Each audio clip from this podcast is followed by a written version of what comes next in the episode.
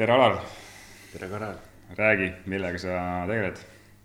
ma tegelen ettevõtlusega. mul on oma elektrifirma, elektrisüsteemide paigaldus ja projekteerimisettevõte mm. -hmm. aga kuidas sa selleni jõudsid või nagu Eestis ju ei ole palju, kes mõtlevad, et tahaks ettevõtjaks, et et võib-olla hakkadki täiesti algusest pihta, et äh, kus, kus sul üldse tuli, kas tuli juba lapsepõlvest või, või kus sul see ettevõtlushuvi? Ettevõtlushuvi on tulnud ikkagi täiesti lapsepõlve initsiatiivist, et kui ma olin kümneaastane, et siis oli mul esimene ettevõtlus nii-öelda nagu mm, -hmm. mida ma tegin lihtsalt nagu täiesti niisama, ma isegi ei teadnud, et see nagu ettevõtlus on. okei okay.. Äh, mul oli kaks sõpra tööl ja sõbrad korjasid mul sealt metsa alt alumiiniumi ja vaske ja siis ma korjasin kokku need oma kätte ja siis noh, ma nüüd päris täpselt ei mäleta, kuidas ma neile tasusin, aga ma mäletan mingi Exceli tabelit ma veel mm -hmm. arvutis pidasin. et mul oli tol ajal juba arvuti olemas, oli aastal üheksakümmend seitse või mm -hmm. tol ajal veel ei olnud kõigil kodus arvuteid, aga mul oli juba olemas jah. et siis saigi sinna Exceli tabelisse pandud ja vanematega sai, materjal sai sinna viidud Emexisse, siis sain pärast poistele palka maksta okei okay., et sealt nii-öelda siis puhtjuhuslikult võib öelda tekkis sul täiesti jah, sihuke, isegi ma ei tea, kui ma ei mäleta, vaata kümneaastaselt, no mida sa mõtled, et umbes mm. tahad, hakkan ettevõtjaks, ei olnud päris niimoodi, lihtsalt hakkasin midagi tegema mm. -hmm. et isegi ei teadnud neid ettevõtlusmängu reegleid ega midagi, lihtsalt nagu kaks sõpra tulid ja saatsid nad metsa vanarauda ja noh, seda metalli korjama. ja siis nemad tõid nagu raha mulle koju ja. huvitav see, et äh, mis ma siit kohe välja tooks, et et äh, sa panid kohe nagu teised tööle, mitte see nagu ise ei läinud, äh, ma ei tea, müüma või ise tööd tegema, vaid sa nii-öelda siis andsid teistele selle võimaluse kohe nii-öelda, et. Äh, ja teised, teistele andsid võimaluse neil endil raha teenida ja siis mulle ka mm. -hmm. et okei okay,, aga sealt edasi sealt edasi. sest äh, üheksakümnendad ja täna on ju kaks tuhat kakskümmend, et see on päris pikk teekond, et kuidas sealt nagu eda-, edasi läks. jaa, see on ju, mitu aastat see on siis, kakskümmend kolm aastat. kakskümmend kolm aastat, noh. jah, et, et järgmine, mis ma tegin, oli müügitöö, no see oli sunniviisiline, vanemad nagu sundisid mind mm. -hmm. aga see oli nagu sellest hea jällegi kogemus, see tuli mul puhtjuhuslikult meelde. et äh, ma võisin ka olla siis kümme või üksteist midagi niimoodi aga ma sain mingi jamaga hakkama ja ma pidin selle jama nagu oma rahaga selle kinni maksma. et võtta see vastutus. just täpselt, et vastutus võtta ja siis see jama maksis sada viiskümmend krooni või mm -hmm. tol ajal see oli suur raha ju. ma arvan, praegu seda võiks võrrelda juba sada viiskümmend eurot äkki kuskil. võib-olla äkki jah, võib ka nii öelda. ja siis ma mõtlesingi, mis asja ma teen ja siis vanemad ütlesid, noh meil tohutult filme vaadata, siis mul oli VHS-i kassetikogu et, et mm -hmm. siis vanemad ütlesid, müüame need filmikassetid maha siis on ju näiteks. ja siis ma ladusingi mingid filmid, mis ma kunagi olin ostnud Kadaka turult ja Nõmme turult äh, kokku. täna vist Kadaka turgu vist enam ei olegi. jah, Kadaka turg enam ei ole jah, kahju. selle nii-öelda sellel eesmärgil, et autoturud on sellega jaa, Kadaku turul tuli üks lugu veel meelde ma räägin seda järgmisena, aga siis äh, ma panin VHS-i kasseti kilekotti ja ma läksin neli kilomeetrit äh, eemal teise külla jala. seal külas nagu enam-vähem teadsin, et äh, kellel kodus on VHS-i mängijad mm. -hmm. ja siis käisin sealt ukselt uksel ja müüsin äkki viis videokassetti maha ja sain selle raha kokku. et ma sain oma selle jama kinni makstud. aga Kadaka turuga mul tuli ka see lugu meelde, et äh, kui ma olin veel noor poiss, et siis mul sai sinna viidud vanu neid münte mm. -hmm hõbemünte, mis olid tsaariaegsed ja siis ma kogusin neid ka, kui ma kuskil taludes ja nendes kohtades kolasin nagu vanaema talu ja paar vanaema oli mul mm, -hmm. kaks tükki et, et seal nagu aitades asjadesse ringi kolatud, siis ka leidsin neid vana raha, igasugused saksa margad ja vene rublad ja Eesti kroonid ja siis ma viisin Kadaka turule neid vanarahasid. ma kujutan ette, võib-olla see kokkuostja isegi võib-olla pettis ka mind, et noh et mm. noppis mingid paremad asjad välja ja maksis mulle vähem, et ma olin ikka suht väike poiss ja ma üksinda seal kolas ringi, et mul tead, noh, vanematega läksin sinna mm., ema ja isa olid kuskil mujal seal Kadaka turul mm. nagu. aga ma ise teadsin, kuhu minna, et seal üks mündi, mündiostja oli olemas nagu. no see ongi see, et juba noores peas said mingid õppetunnid, kui sa ütled, et, et äh, võib-olla sa müüsid madala hinnaga, kui tegelikult see väärtus oli, aga juba nii noored said selle õppetunni. Siis saadud rahast muidugi ma ostsin mingeid äh,, kunagi olid telekamängu kassetid, need kollased mm -hmm. Kadaku turg oli neid täis. siis sai nagu mõnda uut mängu jälle ostetud. aga niisuguseid asju olen noorest peast teinud nagu. järgmisena, mis mul meelde tuli, oli koolis. koolis ma müüsin filmiseedeplaate mm -hmm. ja, ja suitsu müüsin. et, et mul oli võltsitud äh, passikoopia, kus ma olin numbrid õigeks tõstnud müüja jaoks nagu siis hommikuti selle passikoopiaga käisin, ostsin sealt mingist kioskist äh, kaks pakki suitsu ja siis ma müüsin koolis ühte suitsu kaks krooni. suitsupakk maksis kusjuures kuusteist krooni ja viiskümmend senti või mm. -hmm. ja kui sa juba ühe paki maha müüd, siis see on juba nelikümmend krooni nagu, et noh. too hetk oli see kindlasti palju lihtsam ka, kui täna nii-öelda teha siis äh, koopia, mis ei ole võib-olla nii-öelda siis õige, aga, aga nii-öelda siis ärilisem eesmärgil, et äh, leidlik jah, et ma ei näinud probleeme, vaatan lihtsalt mingi lahenduse. ja suvel ma käisin tööl ka mingi kaheksa päeva äkki, siis ma sealt teenisin kaheksa krooni, siis sai ostetud endale CD-kirjutajad, siis äh, internetis sai alla tõmmatud filme. kõigil ei olnud püsiühendust ja minul oli, et, et püsiühendus sai kiiresti filmi alla tõmmatud ja sai kohe plaadi peale kirjutatud ja siis koolis sai neid filmiplaate müüdud, kakskümmend viis mhm. krooni oli üks film mul oli lausa filmi nimekiri, kõik filmid, värgid ja mm. -hmm. aga nii-öelda siis, kui sa said täisealiseks juba, kas siis, äh, siis mõtlesidki, et davai, ma hakkan ettevõtet tegema? ei, oota. sul on veel, sul on veel? jaa, enne kui täisealiseks sain, siis äh,, vot see oli nüüd põhikooli äri, aga ühikas, ma käisin suveti tööl ka ikkagi palgatööl ja, ja siis samamoodi ikkagi metalliga sai tegeletud vahepeal noh, vanaraudaga mm, -hmm. siis enam seda äh, alumiinium ja noh, seda väärismetalli metsas ei vedelenud. selleks ajaks olid juba metsad tühjaks tehtud. ja sai ka vanarauda ära viidud, aga siis ma käisin ka suvetööl. noh, mis suvel selles suhtes palgatööl olin, et suveti ja siis sealt sai ka päris palju raha. ja sai kõrvale pandud ja siis, kui ma läksin ühikasse, ühikas mul oli pandimaja et seal ma nagu laenasin raha välja, inimesed tõid asju panti, et noh, kes tõi mikrouune ja telefone mm -hmm. ja igast asju ja mõnikord oli ka see seis, kus vanemad tulid äh, ise minu juurde mingit mikruuni välja ostma, kuna mikruun oli mingi vanaema oma ja mingi siuksed asjad. jäi sul mõni mikrojoon lõpuks kätte ka, et keegi ei tulnudki? ei jäänud, et no ühikas see on suht ikkagi Defka värk ja seda oli vaja seal. no ma ei tea, kuidas tänapäeva ühikud. või mingi ma... muu asjana? Telefone vist ikka jäi mingisuguseid endale, et ikka endale jätsid ju mingi parema telefoni tasku mm.. et ma arvan, et jah siuksed ettevõtted olid mul noorest peast, et, noh, sai müüdud autosid ja mm. ma olin kolmteist, kui ma oma esimese auto ostsin. see oli Žigul null üks, et, et sellega sai siis järve ääres käidud, igal pool ringi sõidetud. sõitsid kuskil külaväe ringi? külaväe sai ringi sõidetud, koolis sai ka sellega käidud et.... koolis, kolmteist ja koolis nii-öelda, koolis käia, täna, tänapäeva ma arvan, pubekad äh, unistavad sellest. ja no kui ma kümnene olin, siis mul oli muravei ei, isegi noorem olin, üheksa või kümme midagi, siis mul oli Muravei, Muravei on sihuke kolme rattaga nagu roller mm., et tal oli kast taga, sellega oli jube hea seal metsas käia, siis kui mul need sõbrad metalli mm. siis viskasid sinna kasti. et, et kümnes ma sõitsin juba siukse asjaga ringi, et, et noh, kolmteist auto osta, siis oli okei okay juba.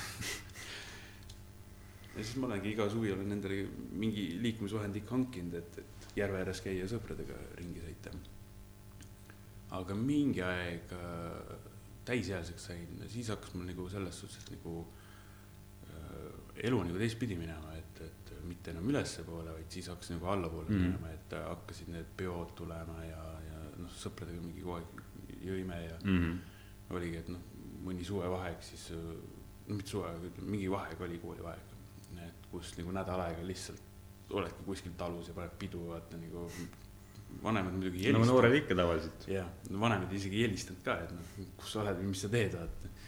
lihtsalt olid kuskil ja, ja siis oligi ja mingi hetk ma tundsin, et kuradi, et see ei saa niimoodi mm. edasi minna, et ma pean hakkama oma elus muutust tegema. mis see muutus sul äh, tekitas? mis, mis nagu sundis mind muutma. jah, nii-öelda kui sa panid pidu nii-öelda, olid kuskil seal Tead- puhkemajas no mis puhkema, see oli mingi kellegi talu. või talu nii-öelda. aga see oli, kui vana ma olin siis, kas ma olin, ma olin kakskümmend kaks siis, et, et äh,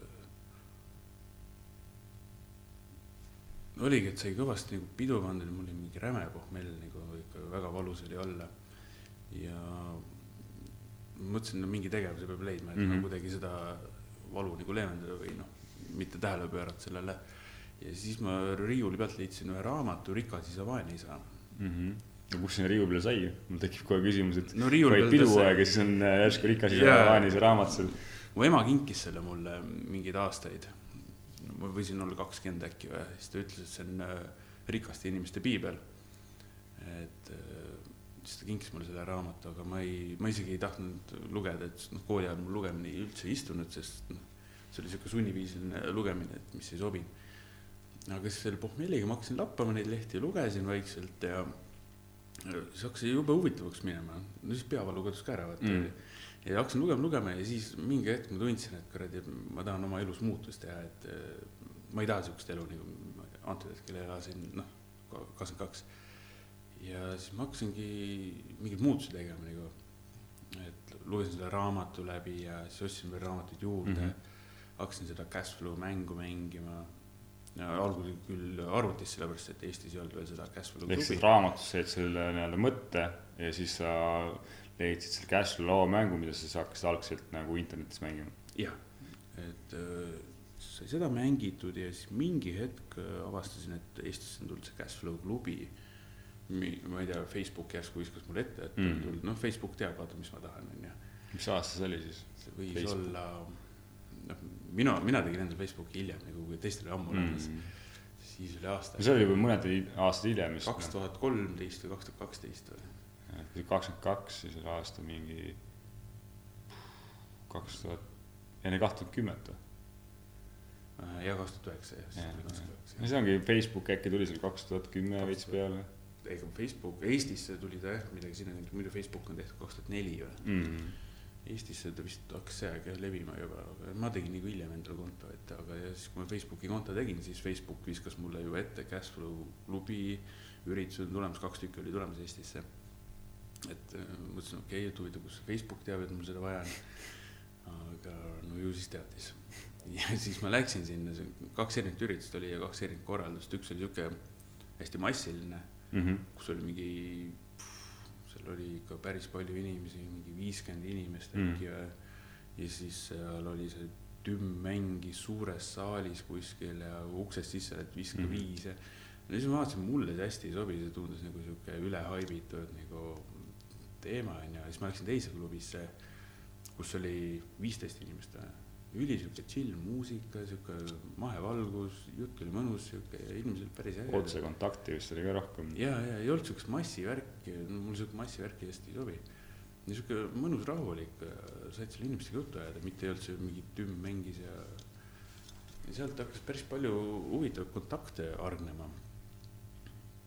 ja pärast neid, noh, nende inimestega suheldes, kes seal kõik nagu olid, et noh, need hakkasid ju omakorda mingeid raamatuid soovitama, mingi enesearenguid mm. Mhm. ja, ja veel mingeid finantsalaseid raamatuid, et, et. ehk siis see eneseareng ja nii-öelda eneseareng jätkus ja tegelikult sul tuli ka ju uut informatsiooni, uut maailmapilti nii-öelda juurde. sest öeldakse tegelikult, et üks, üks raamat äh, võib su, keegi seda on öelnud igatahes, et üks raamat võib muuta kogu, totaalselt su maailmapilti, just enesearengu raamat. jaa, seda küll. aga üks vestlus üle laua targa mehega on rohkem väärt kui kuu aega loetud raamat. no sellepärast ma neid podcast'e teengi. aga sealt hakkas hargnema niimoodi ja siis ma hakkasin igasugusel erinevatel koolitustel käima ja raamatuid lugema. ja samal ajal, see oli kusjuures kaks tuhat neliteist vist jah, kui ma sinna sattusin Cashflow klubisse. aga, aga samal ajal ma olin kaks tuhat kolmteist äkki vist jäin üksikuks isaks Mhm. ning äh, samal hetkel ma käisin palgatööl ja hakkasin ka looma nagu oma ettevõtet ja käisin koolitusel, mul oligi nagu suht stressirohke elu nagu, et ähm, koolitus, lapse kasvatamine üksinda, ettevõtlus Mm. mm., palgatöö, kõik sellised nagu, et äh, endal nagu otseselt nagu aega ei olnudki mingisugust. Aga samas oli palju sul uneaega jäi? no uneaeg ei mäletagi, et eks ikka neid unepuudusi oli, aga nagu see Arnold Schwarzenegger ütleb, et kui aega on vähe, et maga kiiremini. just täpselt. aga ei suht keeruline aeg oli, aga nüüd, kus see möödas nagu on, ütleme niimoodi, ma ei tunne enam, et see nagu sihuke raske aeg oleks olnud mm. -hmm. tol hetkel oli nagu väga raske aeg. et raskused ongi need kohad, kus nagu tuleb üle minna, edasi liikuda. Saaks mingi, mingi tulem tulla.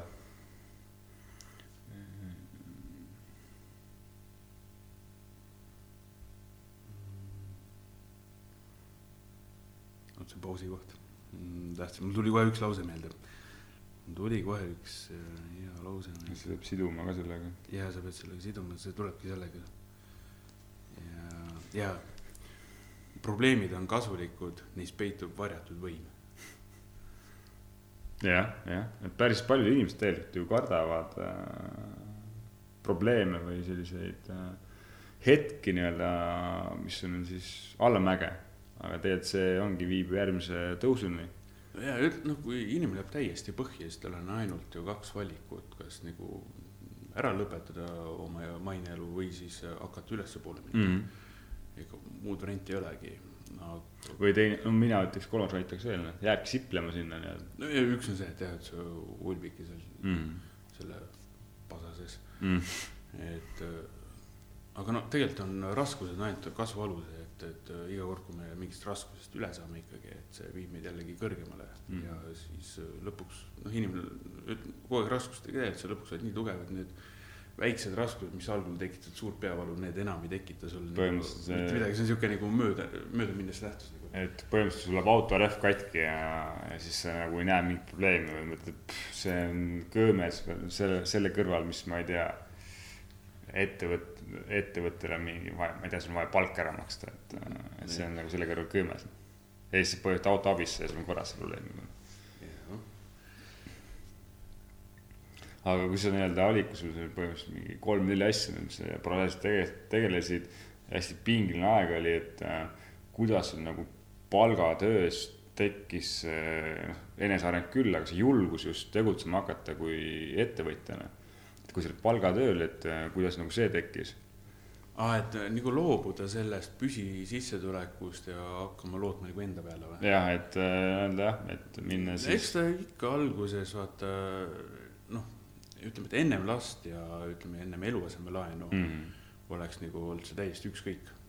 noh, näiteks Steve Jobs on ju, tema lõi ettevõtte siis, kui ta vanemate juures elas, mm -hmm. oma seal garaažis. tal ei olnud ju midagi kaotada ju, ta ju pani täiega. Ma, ma olen kuulnud ka, et, et inimesed, kellel pole mitte midagi vaadata, et ne- neid inimesi tuleb kõige rohkem karta, noh. ja no mingi vana sihuke tarkus on ka, et mees, kellel pole midagi kaotada, see mees on võitmatu. Aga eks ta ikka jah, et noh, kodulaen ja, ja, ja siis see, et noh, sul, mul on ikkagi vastutus lapse mm. -hmm. üleskasvatamine ja iseenda ees vastutus. et aga õnneks see üleminekuperiood oli sihuke ülirahulik. noh, mul hakkasid neid kliente tekkima rohkem ja rohkem, mul läks nii palju kas see aega. valdkond oli sama, mis sa tegid, palgatööd ja, ja siis äh, kas sa varasemalt tegelesid ka siis nii-öelda sama valdkonnaga? Et kui sa oled palgatööl ja kui sa oled ettevõtluses või kus, kus sul nagu jah, et jah, lihtne on ju tegelikult teha, kui sa oled palgatööl, oled, ma ei tea, sa oled puussepp ja palgatööl ja sa hakkadki puussepaks, aga, aga nii-öelda, kas sul on see valdkond oli sama? Äh, no elektriala peal jah, et noh, kuna ma töötasin seal elektrifirmas mm. -hmm. et äh, siis kui ma seal palgatööl olin ennem lapse sündi või üldse nagu ennem sihukest nagu mingit suhet, käisin nagu peale tööd ka veel tööd tegemas nagu sõbraga mingid objektidel, seal elektriinstallatsioone ja noh, eramajadel. et no sealt ma sain nagu päris palju kogemust ja õppisin päris palju nagu noh, klientidega suhtlemist ja noh, kõrvalt vaatasin nagu neid asju ja kuidas kogu seda protseduuri neid ehk siis õppisid palgatööl äh, selle ameti selgeks? palgatöö oli siis muidugi seal ametis ka nagu, kus ma Mhm. mm. töötasin, no ikkagi see elektrifirma oli, kus ma töötasin, aga ta ei tege-, noh, et ta ei olnud ikkagi konkureeriv Mhm. ettevõte, et no see tegeles täiesti teise asjaga. see elektrivaldkond oli täiesti teisele poole suunatud. et üks oli tootmine ja teine oli siis Te- üks oli tootmine jah, ja teine oli nagu installatsioon, et mm. montaaž nagu. et need nagu sellest oli kaks eri asja, aga noh, lõppteema on ikkagi sama.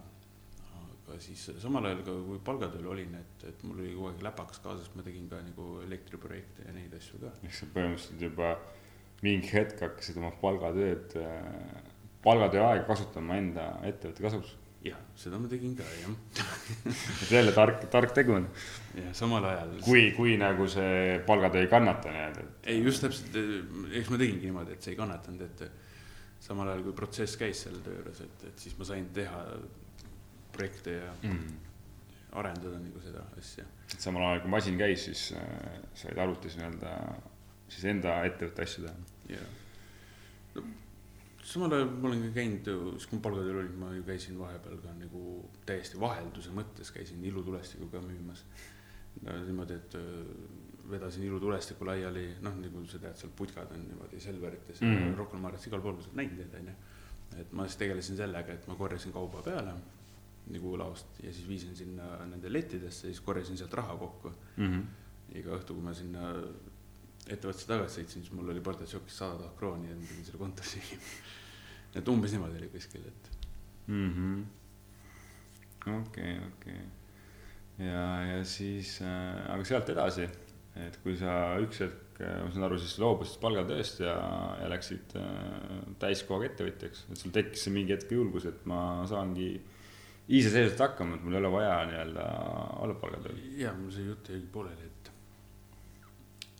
et mul hakkas hästi palju kliente tekkima ja siis mul ei olnud enam aega ma hakkasin, vaatasin, mul ei ole enam aega nagu noh, lapse jaoks ja enda jaoks ja siis oligi niimoodi, et noh, päeval palgatööl, õhtul teed ettevõtte asju mm. -hmm. käid klientidega, ise ehitasin alguses, ma ju alguses üldsegi alustasin laenatud tööriistadega. et selleks, et ettevõttes alustada, ei ole vaja sul kõike endale kohe muretseda või omada, et küsi, küsid kellegi käest. no muretsemine üldse sihuke asi, et noh, keegi ei ole ennast õnnelikuks muretsenud, et hankima, ütleme, et hankima Mm. et jah, et laenatud asjadega hakkasin pihta üldsegi ja siis ma nagu oma selle põhikohale, kus ma nüüd palgatööl olin, ma nagu ütlesin, et kuule, et ma pean selle asja ära lõpetama, et äh, ma tulen siit töölt ära. et ma lihtsalt ei jõua puhtfüüsiliselt, et, et asjad hakkavad kannatama selle all, nii noh, pere kui, kui ise nagu lõpuks ka ju läbi ja. et lõppkokkuvõttes ikkagist ju ennast tuleb kõige tähtsamaks pidada, et ei saa nagu. No- teistele elada. valmistasin päris tükk aega ennast, et mõtlesin tükk aega, mis ma teen ja siis ma võtsin julguse kokku ja ma läksin oma ülemuse juurde, ütlesin, kuule, et ma tõstan käed üles, et ma lähen minema siit, ma lihtsalt ei jõua niimoodi. aga ta ei olnud sellega väga nõus, ta ei tahtnud, et ma ära lähen. ja siis ta pakkus variandi välja, et äh, olgu, et teeme niimoodi, et kaks nädalat oled sa siin mm. -hmm. siis kaks nädalat teed oma ettevõtte asju. Siis ma nagu mõtlesin, okei okay,, et ma saan niimoodi ka teha, et sobib. põhimõtteliselt nagu palgatööl, et küsi nii-öelda, mida sa soovid ja sa võid selle saada, aga kui sa ei küsi, siis on juba vastus ei. absoluutselt, et äh, kolm korda võid ei saada elus. noh, ütleme, kui sa lähed kellegi midagi küsima, siis kolm korda, et esimest korda saad niikuinii ei, vaata, siis küsid uuesti ja siis Mm. kolmas kord, no kui neljas ei. Järjepidevus. jah, et kui neljas ei juba tuleb, siis, siis las ta olla. ja siis saigi, no endal läks enesetunne juba paremaks ja saidki niimoodi kombineerida õhtult Mm. mm., oli nagu rohkem aega ja sai jälle hakata enesearengutega tegelema, et noh, oligi, et eneseareng nagu kadus ka ära, et noh, kuna see ettevõtlus hakkas niivõrd palju aega ära sööma, et ma ei jõudnud isegi ennast arendada vahepeal. Mhm. ja siis oligi päris mõnus oli niimoodi, et noh, kaks nädalat käisid, tegid palgatööd ja siis kaks nädalat tegid oma ettevõtlust ja sellepärast nagu kindel sissetulek, nii, nii-öelda kindel jutumärkides, kindel ja siis ebakindel. ebakindel, et, et see on sihuke hea üleminekuperiood. jah, niisugune rahulik vaata. ja siis mingi hetk tuli selles ettevõttes koondamislaine ja siis ma tõstsin esimesena käe püsti, et mind võib ära koondada. see oli kaks tuhat kaheksa äkki või? ei, ei saanud olla. ei, mitte kaks tuhat kaheksa, oli kaks tuhat viisteist. okei, see lihtsalt ettevõttes oli mingi raskem aeg. Ja selles, selles ettevõttes tuli just siis raske aeg ja et, et siis ma tõstsin käe püsti. et mind võib ära koondada ja siis ma saingi koondamistasu ja et ma just naeran seda, et paljud inimesed nagu, kui, kui tuleb koondamisteade, et siis nad nagu, nagu on äh, kurvad nii-öelda või mõtlevad, et mis nüüd saab. siis tundub, sul oli pigem vastupidi. ja ei, ma olin suht rahul, ma just sellepärast pakkusin ennast välja, et kedagi teist ei pea ära koondama, et, et mina võin nagu minna. Et seal kaks inimest läksid veel ära ja need läksid ka nagu vabatahtlikult, et keegi ei olnud niimoodi, et, et oleks õnnetu olnud. et, et need, kes tahtsid, neil olid kohad alles. Mm -hmm. ja siis ma toimetasin niimoodi edasi ja siis mul olid juba kaks töölist ka seal ettevõttes. et, et nemad siis tegid nagu seda füüsilist tööd nagu seal ja siis mina siis käisin klientidega suhtlemas ja hankisin materjali ja tööriistu ja tööauto sai ka ostetud esimene sinna kaks tuhat kuusteist vist ja siis oli juba päris sihuke suur tööriistapark ka juba tekkinud, et mm. -hmm. okei, väga äge, aga sama, kas mingi hetk sa nagu liikusid selle enesearengu juurde tagasi ka? ma ei tea, tundsid, et ma ei tea, ettevõtlus ei liigu või, või, või kuidas see nagu tagasi tekkis või kui sul mingi sisetunne näiteks ütles, et ma ei tea, ma uuesti lihtsalt- raamat kätte võtta. ei, ma lihtsalt tunnen, et ma pean midagi uut äh, nagu teada saama, et kuidagi karjuv vajadus on selle järgi, et samamoodi, et kui ma mingi siukse sõbraga räägin juttu, kellega saab nagu ülisügavuti, noh, jutu Mm. teema läheb nagu ülisügavale. et, et kui ma saan temaga sellest nagu rääkida, siis nagu pärast seda jutuajamist on nagu sihuke ülimõnus olla nagu, nagu kuidagi hingel oled mingi toidu või teine on ka see, et mingid, noh, endal vähemalt, et äh, uued ideed tekivad või noh, mingi tekib mingi uus lahendus, ise nagu maandad tükk aega selle, kuidas et tahaks nagu selle probleemi või selle lahenduse saada. Piisabki võib-olla tihtipeale viieteist minutilisest vestlusest ja see, see ei pruugi isegi teiselt poolt tulla see lahendus, vaid äh, selles vestluse käigus sul endal tekib lahendus. ei, seda küll jah, et ütleme, kui sa täiesti pingutad oma mõtlemist või noh, nii-öelda ajusi üritad probleemile lahendust leida mm., see ei tule. sellepärast, et kõige paremad lahendused tulevad just siis, kui su meel on maha rahunenud, sa oled lõdvestunud, noh, puhkad nagu Mm. relax asendis. Siis tulevad ajul kõige paremad, see on samamoodi, et noh, näiteks sa vaidled kellegiga Mm -hmm. ja, ja pärast vaidlust sa lähed jalutad oma teed kuskile poole, sa kõnnid rahulikult, siis mõtled, kurat, ma oleks võinud talle hoopis niimoodi öelda. on sul siukseid ja, on, on ja pärast mõtled, oh kurat, ma oleks võinud seda ka veel öelda, onju. see, see on see, et siis kui su meeled on maha rahunenud, et siis tulevad kõige paremad ideed ja siuksed mõtted ja eks ma arvan, sa teed seda rahulikkus või sihuke, et sa nagu suudad olla rahulik. See on ka üks edu võtmeid, ka ettevõtlus, et eh, kui sa karjud oma töötaja peale, ega see lahendust ei too. ei, muidugi ei too, et, et pigem see nagu viib rohkem lukku, et no see on nii töötajate peale suhtes, äriklientidega, mis iganes. kui sa sihuke närviliselt niimoodi karjud, et, et see ei vii mitte kuhugi. Mhm, et sul jah, väga hea. sul põhimõtteliselt tek- tekkis juba, sul hoopis palgatöös sul juba oli meeskond taga, mida tihtipeale võib-olla Eestis isegi ei ole. et äh, enamus on ikkagi üksiktegijad, aga sul oli juba ka väike meeskond. ja no, töötajad hakkasid ikka, noh, esialgu oligi kaks, et üks oli sihuke praktikant ja siis teine tuli nagu suvetööle. ja noh, kui sa saad ikka siukse maitse suhu, et, et keegi ikka sul mingid asjad ära teeb. Mm. ja sa saad neid usaldada, et noh, siis sa oled okei okay,, et see on väga hea. Saad ka oma aega duubeldada. ja sa saad rohkem tegeleda uute klientidega ja nagu hankijatega Mm. mingeid uusi asju leida ja et sellega sa saad ikkagi laieneda. et igal juhul sa pead inimesi juurde võtma endale, kui sa tahad nagu suuremast mm. oma ettevõtet teha. ja noh, eks muidugi meeskonnaliikmed tuleb ka hoolikalt valida. aga hiljem, mille järgi sa valid meeskonna liikmeid? No eks üks asi on see ikkagi, no nüüd ma juba valin nagu vähe teistmoodi kui vanasti, vanasti ma ikkagi vaatasin seda, et öö, kes tööd teeb? kes tööd teeb. ei no sattus ka siuke, et valisin sellise, kes hiljem sain aru, et ei tee tööd. et on ka jälle siukseid, kogemus.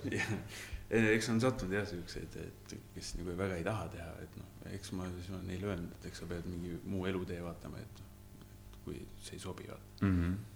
Et noh, probleem ongi selles, et kui ma pean hakkama inimest motiveerima või ma ei tea, mingi noh, mingeid hüvesid pakkuma, et ta teeks tööd. ilmselgelt ta ei taha seda tööd niikuinii teha. et isegi kui ma pakuks talle rohkem palka, see tegelikult ei motiveeri ju. et noh, palk ei ole ainuke asi, mis motiveerib. palk ei ole nagu pikaajaline motivaator. ei ole, ei ole, võib-olla esimene kuu ta vähe kiiremini sipleb, aga see on kõik, see jällegi mandub ära mingi aeg, et. et et pigem nagu kui inimene nagu tuleb sul äh, meeskonda või tööle, et, et ta peab olema endal juba see sära silmis või see motivatsioon, et ta tahab seda teha nii-öelda. esiteks, talle peab meeldima seda teha, kui talle ei meeldi seda teha, siis ei ole mõtet seda üldse teha. ja samas nagu väärtushinnangud, nüüd ma vaatan seda, et inimesel oleks nagu mingid väärtushinnangud. Aga vanasti sai võetud jah lihtsalt, et umbes aa, käed-jalad liiguvad, tule mm. -hmm. et, et noh, esimese suure objekti ma võtsin, oli see Maarjamäe loss, Eesti Ajaloo Muuseum, see oli niivõrd suur objekt, siis kui suur see nagu vahe või kui suur see hüpe oli, et kas sul ennem olid siis äh...? E-, ennem olid mul erakliendid, siuksed eramajad, korterid, no neid oli mõnus teha mm.. sai suht rahulikult teha, seal ei olnud muidugi seda tähtaega, see mm. ei olnud niimoodi konkreetselt paika pandud, et noh, umbes võiksid valmis saada niimoodi. aga siis mulle pakuti, et kuule, et äh, Maarjamäe lossi on ju, siis ma vaatasin seda lossi, see on nagu nii suur, et mõtlesin, et mul noh, esiteks meeskonnast jääb puudus, et mul oli siis kaks inimest tööl ju ma küsin korra vahele, et, et, et kus see hetk või kuidas sul tekkis see, et sa olid üksinda ja siis, ja siis mingi hetk mõtlesid, et kuule, et võtaks mingi inimese nii-öelda, et, et anda kellelegi teisele mingi vastutus või kas sa usaldad seda, et ta teab selle töö ette, et, et kuidas sul nagu see tekkis, et kas töömaht kasvas või mis oli see, et võtta see esimene inimene oma tiimi, et tema hakkab seda tegema mm? -hmm. päris hea küsimus on ei mäletagi nüüd, et aastaid möödas juba mm,. no eks äh, ma mäletan seda, et esimene inimene oli sealt koolist praktikant ja ta helistas mulle. no enne seda mul käisid muidugi ka sõbrad abis objektidel tegemas mm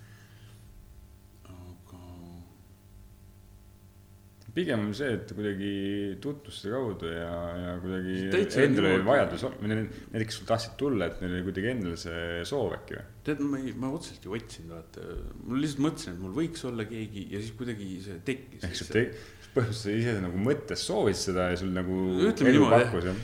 et ma mäletan seda, et ma nagu olen mõelnud jah, et, et võiks olla nagu need, need inimesed veel on ju, ja siis nagu kuidagi mingite mm. asjaoludega on tulnud need inimesed ja siis on niimoodi hakanud minema siis need inimesed on tööd teinud lihtsalt seal mm. kuna me teame varasemalt teineteist, siis ma, kui sa hakkasid Ma-, Maarjamäe sellest objektist rääkima, siis ma isegi olen seal mingeid lihtsamaid asju teinud, lihtsalt kuna me teame teineteist, et, et jah, võib ise ka öelda, et lihtsalt oli mingi vaba hetk, et selle asemel, et kuskil suvel päikest võtta, tegidki seal, ma ei mäleta, kaks või kolm päeva, kui ma seal tegin, et.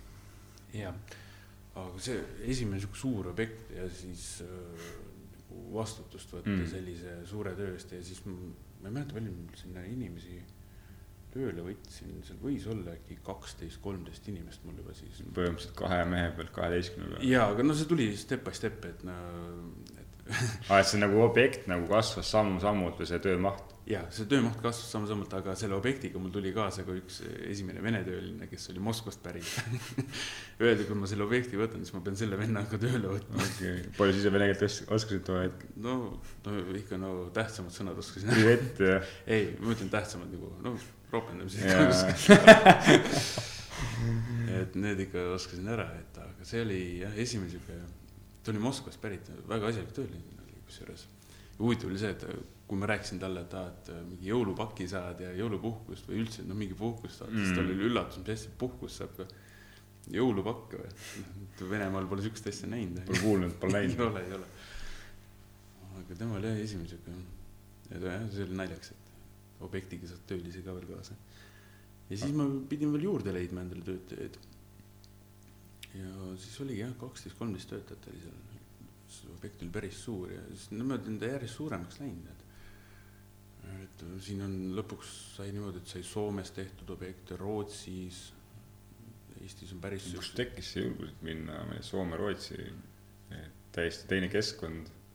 Äh, tead, ma ütlen, et mingi aeg ma olen selle nagu hirmu alla surunud, mõelnud, et kuradi, et mille pärast ma pean kartma mm.. kui läheb pekki, siis läheb mm, -hmm. midagi ei ole teha. jälle õppetund pigem. jah, et ei ole seda, et ma kaotan nagu, et ma siis kas võidan või õpin. just äh,, oli ka siin intervjuu hiljuti ja, ja siis äh, Mardu Mägi, Mägi ütles ka, et, et äh, kui ta tegeles võit, võitlusspordiga ja ta ütles ka, et tema võitlussport, nii-öelda võitlusspordi kaotusest õppis palju rohkem kui võidust. et võidul oligi sihuke emotsioon, aga pärast tagantjärgi mõeldes, et äh, ta ei võitnudki. sellest, ta ei võitnud nagu sellest võidust nagu, ta ei saanud õppetundi. et äh,, et sul tundub, et sul on sama põhimõte, et äh, lihtsalt Jaa. ära teha. ei no lihtsalt, no alguses ikka kardad veits, kõhkled ja, aga siis ma üritan need ikkagi alla suruda ja mõtlen, et mingil põhjusel see elu mulle on need ju ette löönud ja mm. -hmm. siuksed võimalused, et ju ma siis ikkagi pean seda ära kasutama. Aga teine asi see, kas kasutad seda võimalust ära, mis sulle antakse. ja kunagi ei tea, äkki Mm. teist korda enam ei anta seda. ja seda ei tea kunagi, vaata, eks elu näitab. ja siis ongi need objektid on päris suuremaks läinud ja siis oli mitu suurt objekti korraga ja siis päris palju inimesi ja siis nagu masinapark kasvas ja. ja siis noh, kõik need objektid ja asjad, no kõik on tutvuste kaudu tulnud, et noh, ettevõttel koduleht sai loodud ju aastal kaks tuhat kaheksateist ja. Põhimõtteliselt ettevõte asutas millal? kaks tuhat neliteist, kakskümmend neliteist. jah. et kui täna nagu põhimõtteliselt inimesed hakkavad ettevõtet looma ja siis juba- mõtlevad, et koduleht peaks valmis olema. pigem ongi, ma olen näinud seda, et koduleht on valmis juba, aga põhimõtteliselt pole veel juriidilist kehagi nii-öelda. teenust ei ole. jah, ja sul on vastupidi. ja no mul oli lihtsalt no kliente järjest tuli ja tuli, ma ei tea, ja suusõnaliselt nagu see levis, see info, et no, Mm. minul on alati see tähtis, et töö peab olema korralik nagu. Ja kliendiga tuleb suhelda nagu ülisõbralikult alati, et klient soovib jälle mingit see ei ole niimoodi, et ma hakkan talle vastu raiuma, et seda ei saa teha ja seda me ei tee, küsida, vaata. kuidas saab. jaa, alati, meil on see moto juba seal kollektiivis tekkinud, et äh, meil ei ole probleeme. firma, firma moto peaksid kuskile sinna logo alla panema. Pole probleeme, on ainult lahendused. jah, et alati nagu lahenduse keskelt tuleb mõelda nagu, et aga tänu sellele on mul juba nagu viimane suur objekt, mis mul oli, sellega läks muidugi veits hapusti. see oli Eestis või välismaal? ei, see oli Eestis, see oli see uus kaubanduskeskus, ma ei hakka seda ütlema, mis see nüüd oli, aga mul seal oli vahepeal miinus nagu nelikümmend kaks tuhat. aga mingi, noh, õnneks sai selle miinust küll vähendada, aga miinuseks see objekt ka mul jäi, et äh, miinus neliteist tuhat kuskil midagi. aga kogemus, no kogemus sai ikka päris palju, noh, pluss, kogemus on pluss nii-öelda. kogemuse pluss jaa, aga no ütleme finantsiliselt ikka mõjutas päris raskelt, et aga samas mõtle inimeste peale, kes äh,, mul lihtsalt tekib mingeid ideid, et, et inimene, kes äh,, ma ei tea, investeerib sinna, ma ei tea, kuskile ühisrahastusse mingi sada eurot ja siis kaotab selle. ja siis, kui tuua, tuua sinu näide, siis sada eurot, et mitmekordne erinevus see on, et, tegelikult. et mis see kooliraha nagu on. no ja kallis kooliraha küll, aga, aga no raha on raha, et noh, et palju maksab näiteks äh, ülikoolis käimine, ma arvan vähem. võib-olla tõesti. aga raha saab alati tagasi teenida, et lihtsalt on see, et alla ei tohi anda. osadel on see, et neil läheb nagu mingid asjad miinusesse, siis nad nagu loobuvad asjast Mm. et nad ei üritagi enam. tegelikult ka elus nii-öelda, kui on mingi raskused, siis pigem nagu inimesed loobuvad. jaa, see on paljude asjadega niimoodi. aga ma olen ikka mõelnud, et öö, noh, esiteks, kui ma olen niisuguse suure töö endale ette võtnud, mul oli muide võimalus sealt ka jalga lasta niimoodi, et ma ei oleks nagu miinusesse läinud mm. -hmm. aga teine asi on see, et öö, siis mu maine oleks nagu palju saanud kahjustada ja seda ma ka nagu ei tahtnud ja ma mõtlen, et mul on ikka kohusetunne, et ma, kuna ma selle vastutuse võtsin, ma pean selle objekti Lõpuni viima. just täpselt. Vahepeal isegi mõtlesin, et noh, hea küll, ma müün mõned masinad maha ja asjad, et ma saan Mm. selle objekti ainult valmis. aga no õnnestus väiksema miinusega, et selles suhtes vähegi parem, et tihtipeale ongi elus nii, et äh, selleks, et äh, midagi saada, sa pead millestki loobuma. no andjatele antakse.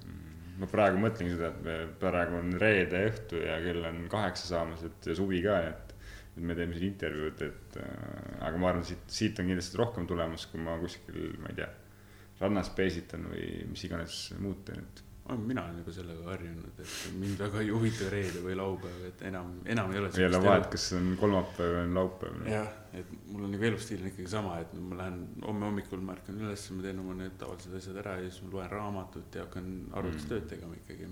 et see on juba sihuke, et ei ole siukest tunnet, et esmaspäeval ootad, et oh, tahaks reedet. ei, ei seda, ei ole ammu enam juba kümme aastat pole enam siukest tunnet, et aga nüüd ongi, et pakutakse nagu Aafrikasse objekte mm. -hmm. korra tooks tagasi selle miinusprojekti, et, et kuidas, kas sa, sa tegid miinusprojekti lõpuni, see oli vist suhteliselt iluti alles, et aga kas sealt tuli ka nagu mingit positiivset või nii-öelda sellist äh, head sinu jaoks nii-öelda, et. ja selle sai valmis see on suht positiivne, et selle sai valmis. või näiteks elu pakkus sulle mingi teise võimalusena ja selle. seda ei tea kunagi, vaata näiteks kunagi Keila jalgpalliklubi liit küsis mu käest nagu noh, neil oli see treenerite mm. ja siis mängijate äh, hoone nagu ja siis nad küsisid minu käest, et kas ma tahaksin nagu neid aidata ja selle sinna elektrisüsteemi värgi mm. teha ja ma ütlesin, et ikka võib, onju, aga noh, nad tahtsid muidugi nagu sponsorluse mm. saada. Ma ütlesin, et noh, ma olin suht alustav alles siis, oli kaks tuhat kuusteist või ma ütlesin kuradi, et noh, äkki võiks ikkagi meestele niimoodi, et noh, saaks palgad ära maksta. määr miinimumgi. jah, et teeme niimoodi, et äh, mängime lahtiste kaartidega, et näed, see läheb nii palju maksma, see läheb nii palju maksma. et maksame ainult selle ära, et ma saan meestele maksta, endale ma ei võta midagi mm, -hmm. ettevõttele ei jää ka midagi, et noh, ja siis nad maksavad, aa materjali neil, nad said ise kuskilt. et ainult tööraha oli nagu mm. -hmm. ja siis leppisime kokku ja see summa ei tulnudki suur, et nad said selle kõik ilusti ära tasutud ja ja siis muidugi nad pakkusid, et aa, kas ma võiksin sponsoriks tulla ettevõttega nagu, ma ütlesin muidugi, et miks mitte, et noh, mul oma poiss ka veel mängis seal klubis. ja siis ma hakkasingi neid toetama iga aasta ja siis ka töödega, et neil oli vaja ka valgustit, hooldust ja sihukest asja, et sai nagu töödega toetatud, toestatud, toetatud neid ja siis äh, ka rahaliselt. aga tänu sellele, noh, mul ei olnud isegi mingit kasu eesmärki sellega aga tänu selle kaudu mul tuli ikka siukseid objekte, kust ma sain väga head teenistust nagu ettevõttesse. et alati ei tasu nagu minna iga kord selle raha peale mängima? raha ei tasu. mängi, mitte mängima, aga siis tööd tegema, vaid vahest ongi, teed mingi heategevusprojekti nii-öelda ja sellest võib palju suurem võit tulla no,. kunagi sa ei tea, vaata, kuhu see asi võib viia. et no raha ei saa olla number üks, et, et peab olema seal taustal, et no raha on lihtsalt tagajärg mingite tegevuste tulemus mm muidugi oma hind tuleb paika panna mm., see on tähtis, et kui minu käest kunagi küsiti, üks sihuke psühholoogiline küsimus oli see, et küsiti, et Alar, kui palju sa tahaksid iga kuu raha saada? siis ma mõtlesin, et mm, ma ei tea, ma tahaks saada kümme tuhat eurot iga kuu. no ma arvan ta, tavainimesest kui küsida, palju sa tahaks saada, ma arvan, see kuskil. kus, kusjuures me tegime restoranis ühe katse siukse ja siis ma räägin selle psühholoogilise testi lõpuni ja siis see, kes seda küsis, ta oli üllatunud, et mis siis, ma mõtlesin, et ma esialgu mõtlesin, mis asja, kas ma ütlesin mm. midagi valesti, vaata onju. siis ta ütles, et noh, tegelikult ei ole nagu küsimus selles, et noh, kui palju sa nagu noh, päriselt tahaks, vaata noh, küsimuse mõte oli see, et, et aru saada, kuidas inimene iseennast hindab kui väärtuslik on tema aeg näiteks. no näiteks on ju, see oli just see enesehinnangu nagu test tegelikult ja paljud inimesed vastavad üldjuhul niimoodi, et noh, et näiteks kui sa saad kuussada eurot kuuspalka on ju, siis mm. sinu käest sihukest asja küsitakse, mõtled, mõtled, no no võiks tuhat kakssada saada. veidi, veidi rohkem võib-olla. ei, no üldjuhul jääb siuksesse kanti ja mm -hmm. siis me tegime restoranis ühe siukse testi ja kutsusime teenindaja enda lauda ja küsisime, et palju sa raha tahaks saada. teenindaja mõtles, mis asja, et ei, me lihtsalt nagu küsime küsimust, teenindaja oli veits ehmunud, onju, et ta ei saanud aru, miks, miks me siukest asja küsime, onju. ja siis me ütlesime, et aa, et me lihtsalt, meil on vaja nagu informatsiooni, et me siin teeme oma uuringut, onju. ja siis teenindaja ütles, et noh, võiks mingi üheksasada euri saada, vot. et siis me mõtlesime, okei okay., aga mis, mis, kus me selle nagu testini jõudsime, oli see, et ma rääkisin oma ettevõtlusideest, onju, uuest. et mm -hmm. ma mhm. tahan luua ettevõtet, kus kõik töötajad on osanikud mm. -hmm et äh, igaühel on mingi oma roll ja ta on selle ettevõtte osanik nagu. ja noh, hiljem, kui see ettevõte nagu läheb normaalselt käima, et siis ka igaüks saab omale mingi palga ka määrata. see idee vist pärineb kuskilt välismaalt? jah, see pärineb sellest äh,, ei tule selle ettevõtte nimi meelde, aga see Alar Ojastu teab seda see põhimõtteliselt toodab mingit lennukite. ei, see oli laevapropellerite toet-, tootev see toodame laevapropellerit. ja seal, ja seal mul see nagu mõte tuligi siis ma mõtlesin, ma tahaks ise ka küll siukse teha, et, et just leida sellised inimesed, kes nagu tahavad teha mm -hmm. seda, et mis nad just seal teevad, et noh, igaüks nagu valikski, et mis ta teha tahab. aga ma ei mõelnud nagu, et ettevõte võiks olla nii suur kui see laeva propellerit Mhm. tootev ettevõte, et pigem nagu aga miks mitte? no miks mitte, no eks näis, vaata, esialgu prooviks nagu mingi väiksema grupiga, et vaadata, kuidas Mm. mm. siin Eestis üldsegi nagu töötab. testida, testgrupp. just, et kunagi ei tea, vaata, kuhu see võib minna. üks sihuke mõte oli ja siis, kellega ma nagu seda vestlust pidasin, ta ütles, et aga inimesed lähevad ahneks, et hakkavad nõudma endale mingi ulmepalka, vaata. Mhm. ja siis me nagu mõtlesimegi, et okei okay,, kutsume teenindaja laua juurde, küsime ta käest, mis tema, noh, palju tema tahaks palka saada, kui talle pakutakse nagu sihukest varianti, et noh, palju sa raha tahad saada, ütle oma summa, et Mm. mm. tööd teha. ja siis ta oli nagu üllatunud, et et teenindaja ütles üheksasada, mitte et mingi kümme tuhat või kakskümmend tuhat. sa ei oska nagu küsida. ei nagu, või noh, see on, sõltub nagu ju, mis su see mõtteviis või nii-öelda jah, kuidas sa mõtled, et, et kui sa oled ju eluaeg teinud ühte tööd ja selle palga tipp ongi ju selle üheksasada eurot, siis võib-olla ei oskagi rohkem küsida. võib-olla, ei tea, igaühel on erinev elu ja. Omad väärtushinnangud. ega neid ei saa noh hukka mõista, et Mhm. no lihtsalt niisugune katse sai nagu tehtud jah. ma olen kuulnud, sul on veel äh, Rootsi-Soome, aga sul on ka veel mingi, mingi äge projekt käisil ka väli- nii-öelda veel väljaspool Eestit siin. jaa, Aafrikas elevandiluurannikul. ma arvan, et paljud inimesed pole käinud seal Eestis, vähesed vist äkki, kes. no seal. riigis äh, ma nägin võib-olla üldsegi heal juhul kümme valget kokku jah et sattusin Aafrikasse jah, läbi tutvuste kaudu mind sinna jälle. kuidas sa sattusid sinna, keegi ütles, et davai, tule Aafrikasse, kuidas sa selle Aafrika kontakti said?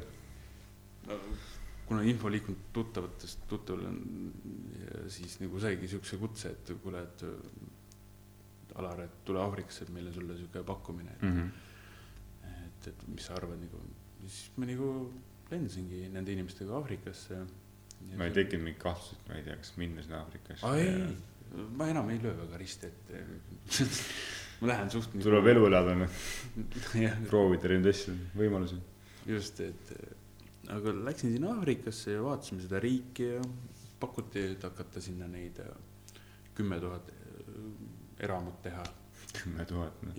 tavaliselt no arendajad, no Eestis ongi siin, teed üks-kaks kortermaja korraga nii-öelda, siis seal oli jah kümme tuhat maja tahavad teha nagu, nagu ühe linnaosa tahavad ehitada. no seal oleks nagu ütleme, see objekt kestaks kuskil kümme aastat. mm. -hmm. et aga me arendame seda projekti praegu jah, et äh, smart äh, majad nagu sinna, et äh, täisnutimajad puidust, Mm -hmm. Kõik sellised, kuigi seal nemad väga puitu ei poolda, sest neil on kõik endal on ehitised betoonist. sest Aafrikas on tohutult termiite. ja teine asi seal, miks nad enda puidust ei ehita, on see, et mm. -hmm. seal on see punane puit. ja neil seda punast puitu on suht raske töödelda, ta on suht tugev, isegi tugevam kui betoon, võib öelda tihedus on suur. ja see on väga suur et, et kui sa seda saagima hakkad, et sul ikka pidi päris mitu ketast minema, et enne kui selle läbi saad. teine probleem muidugi neil on need termiidid, et aga me tahame pakkuda sellise puitmaja mm, Mhm. -hmm. mis on ökoloogiline. kasutab ära vihmavee, puhastab vett, kasutab ära päikeseenergia, saad seda maja juhtida, jälgida igatepidi, et noh, siukse elava maja tahaks nagu ehitada noh, kuna elektrisüsteem on nagu vereringe selle majal, et siis ja teine muidugi veesüsteem, et, et nagu elav organism tuleb kohe nagu meelde, et, et võrdlege ka nagu ettevõtlust nagu elav organism, et kui sul mingi, mingi rakk või mingi kehas ei tööta, siis on tegelikult su kogu, kogu, kogu see inimene tegelikult ei funktsioneeri õigesti. noh, õigesti ei funktsioneeri just. aga sihuke plaan on meil ja me selle projektiga praegu tegeleme. et, et võib-olla ülejärgmine nädal ma pean jälle Aafrikasse minema, ma veel ei tea, nüüd on juba lihtsam minna, nüüd, nüüd nii-öelda juba korra käinud. ei, seda küll, aga ma ei tea, nüüd see viiruse teema, kas nagu saab sinna riiki või ei saa, et aga see täiesti teine maailm on seal Aafrikas, et no ütleme, et nagu meil üheksakümnendad, aga veel miinus viis aastat või kümme aastat, et et seal on mingeid näiteid tuua, mingeid võrdlusi Eesti versus äh, Aafrika nii-öelda mingi, ei, mingid täiesti lihtsam mingi elustiili mingid näited midagi. no seal on, see on täiesti, ei saa võrrelda päris niimoodi, et noh, me elame ikkagi teisel, jaa, aga lihtsalt vaata, kui Eesti inimene nagu, ma ei tea, vingub niimoodi, et siin, ma ei tea, kehv ilma või, Oi, kehv, kehv ilm või kliima nii-öelda, et äh, aga lihtsalt just jälle mingid olmetingimused, kus need inimesed elavad või, või ma ei tea, mis, millised on nende poed või midagi sellist võrdlusi tuua. No ütleme, see kõige suurem kaubanduskeskus seal viiemiljonilise linnas, viie miljoni inimesega linnas, et see kõige suurem kaubanduskeskus võis olla, ütleme nagu meil see Noatika vist äkki. Nautica. jah, et nagu umbes sellise keskuse. see on nende nagu, see on kõige suurem neil. see on nagu jah, meie äkki, ma ei tea, Ülemiste keskus või sama see uus, see mingi T1 või midagi siukest. ei, Ülemiste keskus on ikka suur nagu nende jaoks, et seal ei ole väga neid, seal on, enamus on seal ikkagi sihuke turumajandus. et seal turu peal kauplevad, sul tee ääres müüvad voodeid, toole, kõike, sa jääd voori taga seisma, saad lipsu endale ka osta, kui tahad. nagu me ennem rääkisime Kadakaturust, midagi sarnast, noh. no ütleme veel hullem. veel hullem nii-öelda, jah, et Kadakaturda, Kadakaturul saad Kadakaturda, aga jaga kahega selle. jah, ruutjuur viiskümmend. et, et seal jah, sihuke autode vahel kauplemine käib seal ja, aga päris põnev oli, et täiesti teistsugune maailm ja seal inimesed ei olnud nagu kurvad või mingid masenduses mm.. Noh, riik ei toeta vaata neid, nad isegi ei tea, mis see tähendab, aga nagu sihuke riigi toetus või midagi. et seal sa pead nagu ise hakkama saama, selles suhtes, kui ma vaatan nagu ettevõtja pilgul, siis seal on kõik inimesed ettevõtjad Mm. kõik nad seal toimetavad midagi, et noh, ise ellu jääda. Et ei ole mingi sihuke, ei saa kuradi teha midagi, lund sajab, märg on või ma ei tea, seal ei ole mingit siukest vingu. ise nagu näinud või olen kuulnud ka, et nagu nende lõuna poole minna, et see inimesed nagu rõõmsad ja positiivsed ka noh. et Eestis on kuidagi see noh, see on minu arvamus, aga, aga no selline naabrist parem äh, olek nii-öelda, et kogu aeg, et kui naabri, naabrimees ostis uue muruniiduki, et kuule, mul on ka vist uut muruniidukit vaja nii-öelda, no eks see on see tarbimisühiskonna ja reklaami ja noh, kõik Mm. lääne, lääne meedia mõju, et mis siin nagu mõjutab meid. et nende elu, elukvaliteet on võib-olla halvem, aga, aga inimesed on kuidagi, ma ei tea, töökamad ja rõõmsamad siis öelda ei. tea, kas nüüd saab öelda halvem, lihtsalt teises keskkonnas. Mm. või no pole nii, see siis ühiskond pole nii arenenud ei ole ja nad väga noh, nüüd nad tahavad hakata panustama ja nagu oma seda infrastruktuuri nagu Mm. vähe paremaks tegema, et noh, seal, kus viis miljonit inimest elab, see linn on ju, seal ei ole isegi veepuhastussüsteemi mm.. et nüüd- nüüd nad tahavad seda alles ehitama hakata. no sai käidud ka sellistes kohtades, kus olid nagu mudahonnid päriselt, elektrit ei olnud, mobiillevi ei olnud, lapsed mängisid seal autorehvide ja puuokstega täiesti sihuke ja siis, kui see, kui ma sealt bussist välja astusin, need valged inimesed vaatasid, nad isegi ei osanud ette kujutada, kuidas valge inimene välja näeb, noh, neil polnud telekatki. ja siis kõik inimesed vaatasid ja imestasid, siis tahtsid katsuda. ma just mõtlen, et äh, ma ei tea, näed kuskil linna peal või poes mingit last, ma tahan uut autot saada ja siis siis mõtle, kui ema ütleb, kuule mine mängi selle puukotsiga noh. aga ei, inimesed olid väga siuksed sõbralikud, rõõmsad ja ma ei näinud, et nad nagu millestki puudust tunnevad, noh, sa ei oska vaata tahta midagi, mida sa ei tea, mida sa tahad. aga ma saan aru, et siis äh, tänaseni nagu enamus ajas oledki panustanud siis oma, oma lapsele siis ettevõtlusele või on veel mingeid asju nagu, mis toetavad äh, kogu seda asja, et ma ei tea, mingi sportimine, on see mingi mingi Ma ei hobi. või hobi ju nii-öelda, mis, mis nagu, mis, mis sind jah, nii-öelda siis, kuidas sa puhkad, et ma küsin jah, kuidas sa puhkad, sa oled rääkinud nii-öelda, et äh, see ettevõtlusteekonnast, aga, aga kuidas sa puhkad? Mm, tead, minu käest on nii palju küsitud, teised inimesed ka, et nad ütlevad nagu kohati, et ma teen veits liiga palju tööd. aga samas nagu mulle meeldib see, mis ma teen. põhimõtteliselt, kui sul teed seda, mis sulle meeldib, siis põhimõtteliselt nagu töö ja hobi on nagu seotud, siis sa ei saagi aru, kas sa teed tööd või sa nagu puhkad. ja aga samas vahepeal, et sul tekiksid uued ideed ja seosed, siis Mm. nagu pead sellest keskkonnast välja astuma ja siis nagu no ongi üks see, et ma sõidan ringi ja ma filmin ja mingeid siukseid asju. rattaga mul meeldib ringi sõita ma tean, et filme vaatad ka palju. Ja filme, filme ma vaatan ka palju, aga ma just vaatan siukseid nagu, ma ei vaata siukseid nagu jalaga munadesse filme, et Mm. mm. vaatan pigem nagu ja ma vaatan pigem nagu siuksed tõsielu lool tehtud ja, aga ma alati leian filmist vaata mingeid õppepointe Mhm. ütleme, mu lemmikfilm on ikkagi see Ristisaade triloogia, no see muidugi. mis nagu ristides välja tooks, mingi õppetunni, et mis, mis sa ise oled nagu rakendanud või, või mis sa ka võib-olla teistele tahad jagada, et äh, mis, mis see õppetund võiks olla? Hõiska enne õhtut. no ma ütlen nagu selle Eesti vanarahva tarkuse järgi, et ära hõiska enne õhtut, et, et seal ristisaas on nagu toob väga palju välja seda, et äh, ära mitte kellelegi räägi oma, noh, ära kellelegi räägi, mis sa päriselt mõtled. et pigem tee oma asjad ära, kui need asjad on et näita, mul tuleb ka meelde, et näita tegudega, mitte sõnadega. just täpselt, et äh,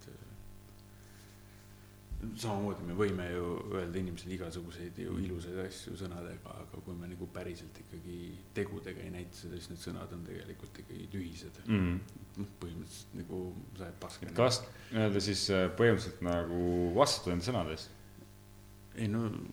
mingis mõttes nii-öelda. kui sa ütled midagi, siis tee seda, et noh, ma mõtlen seda, et isegi see mees on rohkem mees, kes ei luba mitte midagi, kui see mees, kes murrab oma lubadust mm.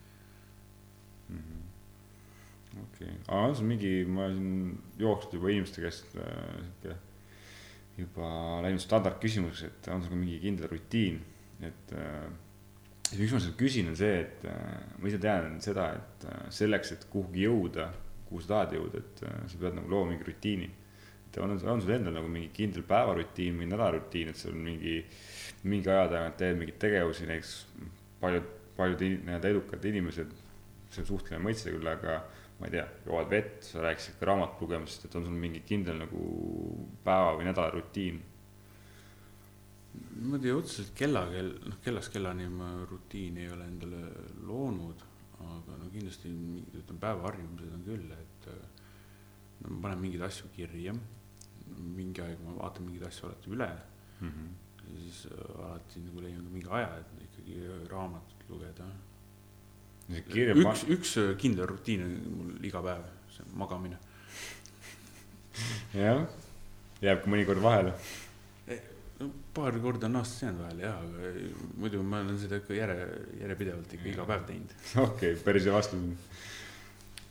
aga see kirjapanek siis see on nagu iga päev nii-öelda siis see on noh, kindel asi, et vahet ei ole küll, mis kellaaega, iga päev see on nii-öelda. iga päev ma panen kuus elu eesmärki kirja. mm. -hmm. et see on nagu kuus asja, mis sa siis päeva jooksul ära tahad teha või mingi perioodi peale jaa, perioodi peale ütleme. mm -hmm.. okei, okei. et äh, küsiks ka võib-olla mingeid äh, ei, väga lihtsamaid küsimusi või tulla ka inimesele isegi mul, kes ma vaata rohkem ei ole tean täna ettevõtjaid, et see on äh, huvitav. kui sa nagu tegeled selle ettevõtlusega ja sa rääkisid oma pojast, et ma ei äh, tea, ma küsiks. kuidas sa võib-olla nagu kust kuidagi. aega leiad või, või kuidas sa nagu teda õpetad nii-öelda, et äh, et võtta siis oma vigu ja võib-olla, tema võib-olla ei teeks nüüd nii palju või kuidas jah, nii-öelda teda, teda oled kasvatanud või aega leidnud selle ettevõtluse kõrvalt tead, mul oma poisiga on sihuke rutiin, et noh, me reisime suht palju ringi nagu autoga ja noh, lennukiga Mm. vahepeal kuhugi kaugemale. siin käisime Dubais ja siis Lanzarote'l ja mm? -hmm. ja nüüd see, see aasta me käisime siin Läti, Leedu, sõime ringi, me suht nagu lobiseme, räägime igast asjast Mhm. mm, -hmm. ta on praegu kümneaastane. ja siis, kui, kui mu poeg oli viieaastane, siis ma ütlesin talle, et äh, mina sulle enam mänguasju ei osta. ise vaata, kuidas sa endale mänguasjad saad. ta alguses muidugi oli niimoodi, et okei okay,, et nojah, päris huvitav, tihtipeale see viieaastane see, kus ma arvan, et äh, nii vanemad kui lähedased nii-öelda siis viie, ma arvan, kuni viieteistaastane võib-olla isegi ostavad neid mänguasju või mingeid asju või Jaa. või kellel on noh, tänapäeva ühiskonnas kuni kahekümne viiendani on nii-öelda, et kes, kes elavad vanemas, et sa ütled viieaastaselt, et kuule, et rohkem sul mänguasju ei osta, et sa vaata ise, et mis siis lasteaias käid või kuskil nii-öelda, aga vaata ise, kuidas saad. aga ma ütlesin, et nüüd sa oled, ise vaata, kuidas sa oma mänguasjad saad. Mhm. ja ta hakkas sente koguma, onju, ma ei tea, kust ta nüüd sai muidugi. siis äh, taskuraha jättis alles. oskad sa öelda, kuidas nagu see tekkis, et, et ta nagu hakkas neid meil sente koguma, et viieaastane, et äh, viieaastane mõtleb pigem selle peale, et ku- kuidas, ma ei tea, liivakastis mängida või kuidas selle autot veeretada või, või kuidas kommi saada, aga kuidas see, et äh, ma ei tea, ma hakkangi näiteks no esiteks, miks ma talle seda ütlesin, oli see, et äh, ta on tohutu Lego fänn, onju Mhm.. noh, okei okay,, ma olen nõus, et äh, ma ostan sulle Lego ja sa mängid sellega, Mhm. see arendab su igasuguseid, tegelikult Lego on suht väga arendav mänguasi, aga kuna tal see Lego hunnik läks suht suureks mm. -hmm. ja, aga ta tahtis ikka juurde mingeid asju saada, ütles, et noh, tal ei ole seda Lego ja seda Lego ei ole, siis tahaks seda. et tal on näpu ja siis saab juurde või nii-öelda midagi annad siis nii-öelda. jaa, aga siis ma ütlesin talle, et hea küll, siit maalt, et nüüd sa ostad endale ise mänguasju, ühesõnaga esialgu olidki Legod, mis ta nagu ise ostis, et no ta käis vanaema juures, ta sai mingit taskuraha või siis Mm. tegi midagi, siis ta sai mingit taskuraha jälle. ja Taara ära viis, mm.. no maitsen teda küll, aga, aga noh, näitasin talle, et näed, et viis pudelit. andsid talle võimaluse nii-öelda. jah, ja siis ta kogus omale ja siis ta jälle ostis midagi ja siis ta hakkas mingi hetk vaatama, et okei okay,, et raha on nii palju, et ma saan nüüd selle asja osta. siis ta jälle kogus midagi. Ja siis mingi hetk äh, ta ütles, et ta tahab endale Playstation nelja saada, siis ta oli kaheksa aastane. et ta tahaks endale Playstation nelja saada Mm. mm., et öö, mängida värki. ja siis äh, ma ütlesin, ja see maksab nelisada eurot onju. ta ütles, et ta teab ja ta kogus selle nelisada eurot kokku. ja siis ta kui paljud täna lapsed teavad, kaheksa-aastased. ei, ta oli üheksane, kui ta selle raha kokku sai ja siis ta ostis endale Playstation nelja. Ja siis ta oli suht õnnelik, et ta selle Playstation nelja sai endale ostetud. ja nüüd öö, pärast Playstation nelja, no ma olin ise ka suht uhke ta üle, et ta siukse asja endale, noh, ise suutis raha kokku Mm. osta. kui mina väike olin, ma pidin enda mänguasjad puidust ehitama. nüüd ongi, kas teed ise või leiad võimaluse, mismoodi see asi saada. ja, ja siis ta hakkas koguma endale mingi kõrvaklappide jaoks raha, kolmsada viiskümmend eurot kõrv- kõrvaklappide eest, no ma mõtlesin, et on sul neid vaja, onju.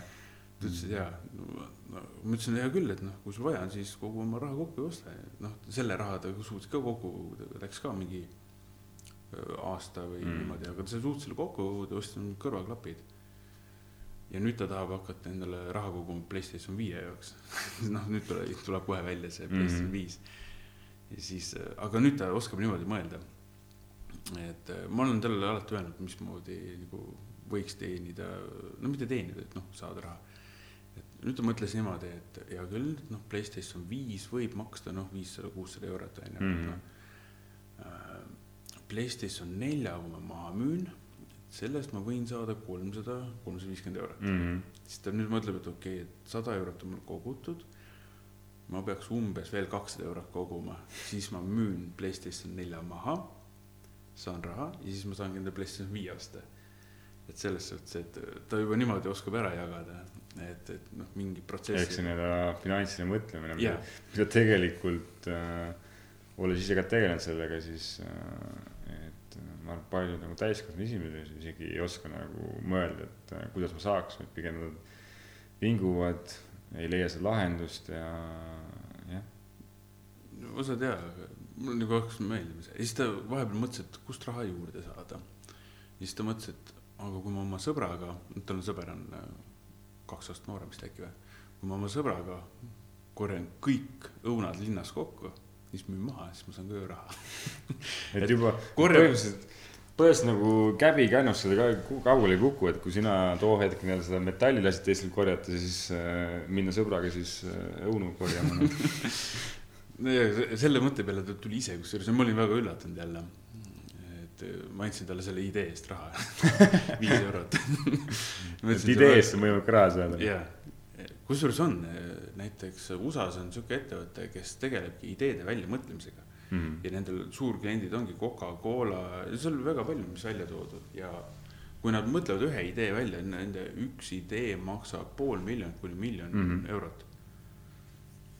okei, et põhimõtteliselt äh, on olemas täitsa sihuke ettevõte jah, et nagu podcast'i nimigi, et äh, tuleb siis tegutsema hakata ja alati ei olegi raha vaja, et äh, idee, idee eest võib ka raha saada muidugi võib saada, aga sul peab olema nagu koht, kuhu müüa seda. see on täpselt samamoodi, et nagu sihuke lugu, et kus isa pärandas oma pojale ühe käekella mm. Mhm. või oli see urn, noh taskukell on ju Mhm.. see taskukella või käekella, mingi asja ta pärandas. uur, uur jah, Uur, mitte jah. urn. teine asi. aga pärandas selle taskukella või siis selle käekella, ma täpselt ei mäleta. ja siis ta ütles pojale, et mine küsi pandimees, palju see maksab või palju sellest raha saad. Mhm. ta läks onju, siis tuli tagasi, ütles, kuule, sada dollarit pakuti onju. siis ta ütles, mine paku nüüd seda käekella, ma ei mäleta, kas ta pakkus selle müüja kellelegi, mingi siuke teema, vaata kellassepp, võib-olla oli ka kellassepale, siis kellassepp ütles ka umbes Mm. mm. sama hinna. ja siis ta läks pakkuma, siis isa ütles, et davai, aga mine paku muuseumisse. mm.. Läks pakkus muuseumisse ja siis muuseumis pakuti selle kella väärtuseks miljon dollarit. et äh, täpselt sama asi, see ongi see, et äh, lihtsalt tuleb õige koht leida, kuhu sa saad seda pakkuda. põhimõtteliselt sama nagu, et sul on vaja selleks, et äri teha, sul on vaja klientuuri. Absoluutselt ilma klientideta ei ole sul mitte mingisugust. sul võib väga, väga hästi mingi toode, teenus olla, aga kui inimesed ei tea või sul pole kliente selle jaoks, siis ju raha ei teki jaa, ilma klientideta sul ei saagi ettevõtlust olla ju mm.. kui sul pole nõudlust, siis ei ole ka sul mõtet pakkumist Mm. tekitada ja et samamoodi üks naisterahvas kunagi, minu arust see oli Eestis äkki, hakkas oma mm. veini tootma. ja ta vist äkki küsis kolm eurot või neli eurot veinipudeli eest ja aga tal see vein ei läinud kuidagi, et keegi ei tahtnud seda osta. osta ega midagi. ja siis ta läks nagu ühe ärimehe juurde ja ta küsis, mis ma tegema pean mm,. siis ärimees ütles kohe, et pane kolmkümmend eurot, miks sa nüüd nii odavalt müüd, onju. siis ta ütles, mis mõttes, ta oli nii ehmatanud selles, mis mõttes Mm. kolmkümmend eurot, et, et see on nagu nii kallis, onju. Et keegi ei osta siis, onju. ta ütles, aga keegi praegu sul ka ei osta. ja mis vahe siis on, kas see on kolm eurot või kolmkümmend eurot, mis vahet seal on, onju, et proovi vähemalt, onju. siis ta läks koju ja tõstiski hinna kolmekümne peale, et mõtles, proovib, et mis tal enam kaotada on, et niikuinii keegi ei osta. ja aga mis nagu juhtus nagu täiesti oli see, et nagu tal hakkas äri minema ja kõik hakkasid just seda ostma nagu rohkem ja rohkem. Mm. ta oli ise ka nii üllatunud, et, et kunagi ei tea, et alati tasub katsetada, proovida katsetada. aga no, alati muidugi, mis sul peaks olema, peaks olema mentor. et kelle käest küsida nõu, et antud naisterahvas läks küsima nagu ärimehe käest, et alati, sul peab olema mingi mentor, kelle käest küsida. kaua sa ise oled kasutanud äh, mentori abi või, või kes sul täna nagu, kas sul on mingi noh, mentor, mentor, kelle juures sa nagu iganädalaselt käid igakuuselt või, või kas sul mentor võib olla ka, ma ei tea, ema, isa, mingi sõber, kes, kes see nagu, mis sa mentori all mõtled? mentor on tegelikult öö, teesuunaja. nõus, nõus. et mentor ei saa olla ainult isiksus, mentor Mhm. mm. võib olla sul raamat, film, ma ei tea, täiesti mingi viieminsane, inimene olema. viieminsane kohtumine mingi täiesti suvalise inimesega Mm. onju. et mentor on ikkagi teejuht, et äh, ta jagab enda kogemust põhimõtteliselt. ei, ei ole alati kogemust, ta võib oma nõu jagada või oma teadmisi, ükskõik mida, noh, aga kui sa saad sealt mingi asja, mis muudab su eluteed, Mm. siis ta on sul juba mingil määral mentor, et ta on muutnud sinu teekonda veidikene Mm. et äh, mentorid on meil erinevatel elutappidel täiesti erinevad asjad, et, et kui me sünnime, siis meie mentorid on ikkagi vanemad ju, Mm. see on esmane koht. ja siis mingi hetk on meil koolikaaslased Mm. mm., mingi hetk on noh, no sõbrad ja koolikaaslased. täiesti, no mingi hetk on töökaaslased, siis on mm. Mm. ka nagu tutvused. ja niimoodi vaikselt lähebki, et ka mentori nõudlus või sihuke kasvab selles suhtes. kvaliteet äkki või? ei, mitte kvaliteet, sa ei saa, sa ei saa öelda, et Jah, esimene kvali- mentor on ebakvaliteetne kui nüüd praegune see mentor, jah, kõlab tobedalt kuidagi. just, et vanemad on nüüd ebakvaliteetsed ja, ja, mentorid. ja nüüd mul on need, vanemad nii-öelda, need olid ebakvaliteetsed, aga, aga nüüd on mul kvaliteetne mentor. sa ei saa alati mõelda ka seda, et sina pead sellest kohtumisest midagi saama, võib-olla see inimene saab sinuga tutvumist hoopis mingi täiesti teise maailmavaate tagasi. no see teiseks, aga, aga noh, mul on ka hea meel, kui ma saan nagu oma juttude ja lugudega, mida ma jagan nagu, et kellegi teise elu muuta, et mul piisab sellest, et Mm. ma ei ootagi sealt, midagi tagasi tuleb, et mul on nagu hea meel, kui inimene nagu saab mingit inspiratsiooni või, või mingit julgust. mulle tegelikult õudselt meeldib vestelda nagu inimestega. mitte siukest nagu tühja juttu, vaid nagu mitte siukest. small talk'i, vaid ikka siukest äh, deep talk. Inglise keeles nii-öelda on paremad väljendid kui Eestis. just no bullshit. pigem niipidi.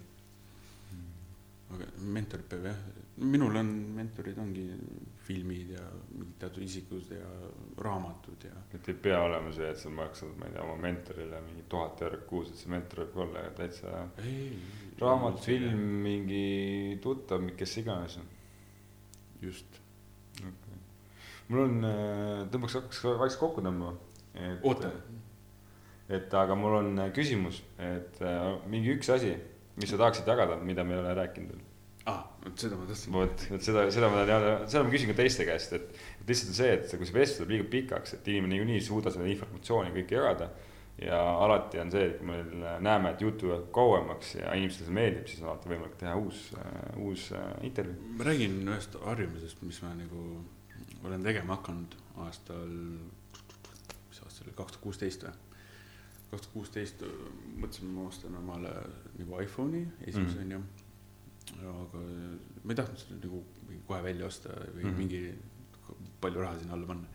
ja siis ma mõtlesin, okei okay,, ma hakkan sente koguma. kogusin sente, münte, Mhm. et osta endale iPhone. iga õhtu panid jälle taskust sendid ja mündid sinna kaussi mm. ja siis vaatasin, mingi hetk oli see mingi seitsesada või kaheksasada eurot oli koos. mõtlesin, okei okay,, nüüd on paras aeg selle sendi hunnikuga minna poodi ja siis endale Läksid panid poe leti peale selle. mul oli reaalselt see kott oli kaasas ja mis välja tuli, seda iPhone'i ei olnud. noh, välja, noh, otsa saanud nagu mm., Mm. küsin, millal tuleb, öeldi paari nädala pärast. mõtlesin, okei okay,, no see oli, tol hetkel oli see iPhone oli suht minev nagu. ja, ja siis, kui see äh, poodi jõudis mm. -hmm. mul ei olnud sendikotti kaasas mm. Mm.. mõtlesin, no kurat, aga siis ma ostsin kohe selle nagu pangakaardiga ära mõtlesin, nojah, et ei saanudki küll sentidest osta, et ma nii väga oleks tahtnud nagu sentide müntidest nagu mingi iPhone'i osta mm.. Siis äh,, aga senti ja münti ma kogusin edasi ja siis oli mingi aasta aega oli kogunud. vaatasin, juba oli mingi tuhat seitsesada eurot sentides, müntides. ja ma mõtlesin hea küll, et äh, mis teeme. mingi jaanuari algus oli ka ja siis ma mõtlesin oma poisiga, et äh, lähme kuhugi reisile hoopis, viime need sendid-mündid ära, et äh, lähme reisile. Mm. ja siis läksin, viisin panka need sendid ja mündid ja ladusin seal mingi päris tükk aega, inimesed vaatasid nagu, mis see mees teeb. lihtsalt peoga kogu aeg olla, siis see tädi käis seal kotte kogu aeg vahetamas. päris suur, ma sa täna teed seda jätkuvalt. ma teen seda jätkuvalt jah, ma siiamaani kogun jälle sentimente, ma ei saa öelda, kui palju neid juba on, aga mm., aga me juba vaikselt hakkame jah, mingit teist nagu reisiplaani vaatama, et aga põhimõtteliselt jah, sentide ja müntide eest me käime kuskil reisil mõtle, ma mõtlen nagu kohe nii, et eh, tegelikult ei olegi palju vaja, sul piisab, ma ei tea, kümnest sendist. see, paned seeme nagu sinna kümme senti, tuleb järg, järgmine kümme senti, euro.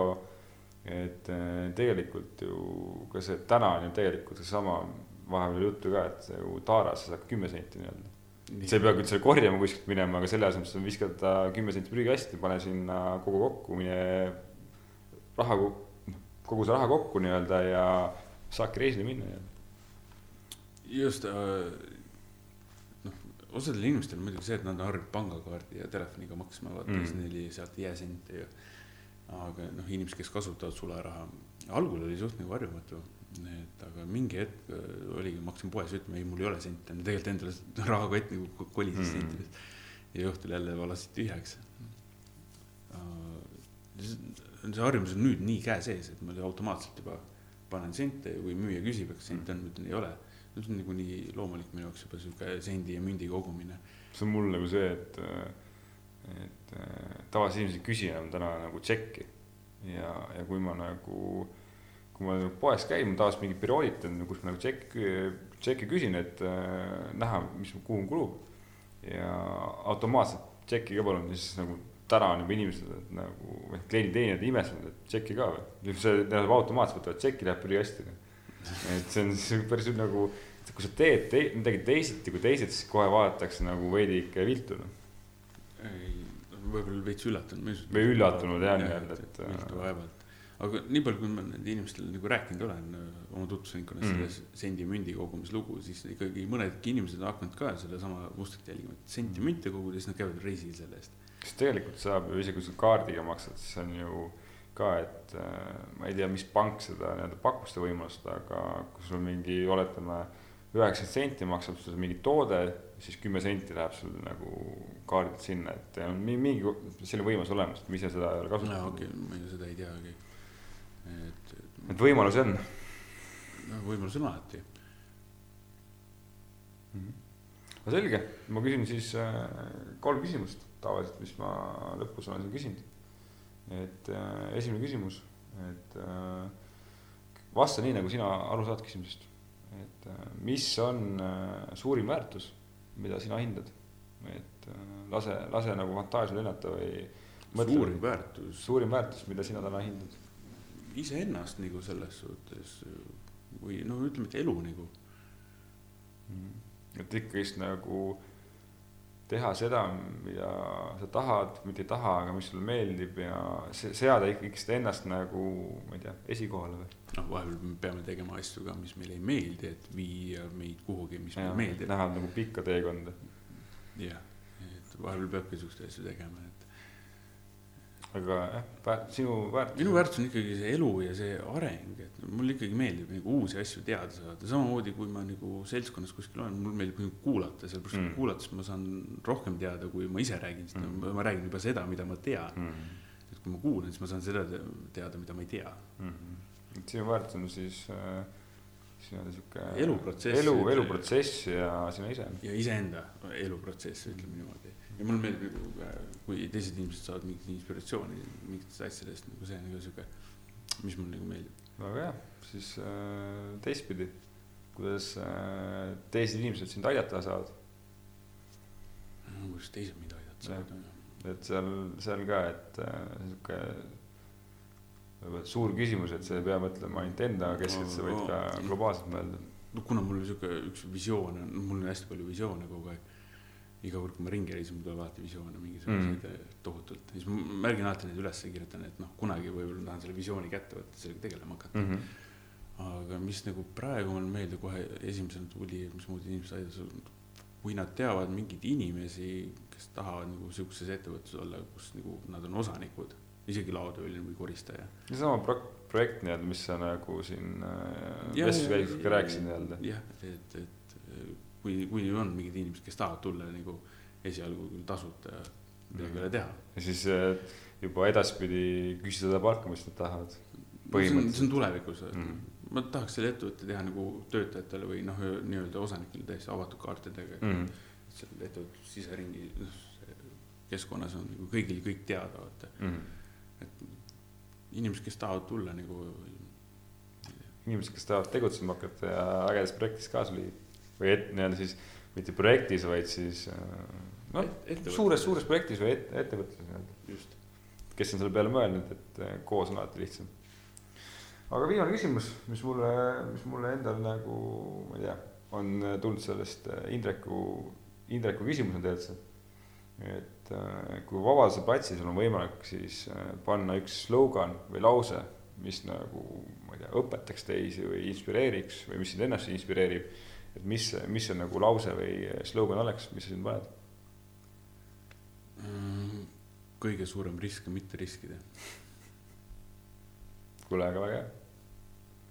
et äh, täna vist väga suurt riski ei olnud, et tuli lihtsalt kohale tulla ja, ja hakata vestlema. aga, aga suur tänu selle vestluse eest. aga palun, teinekordki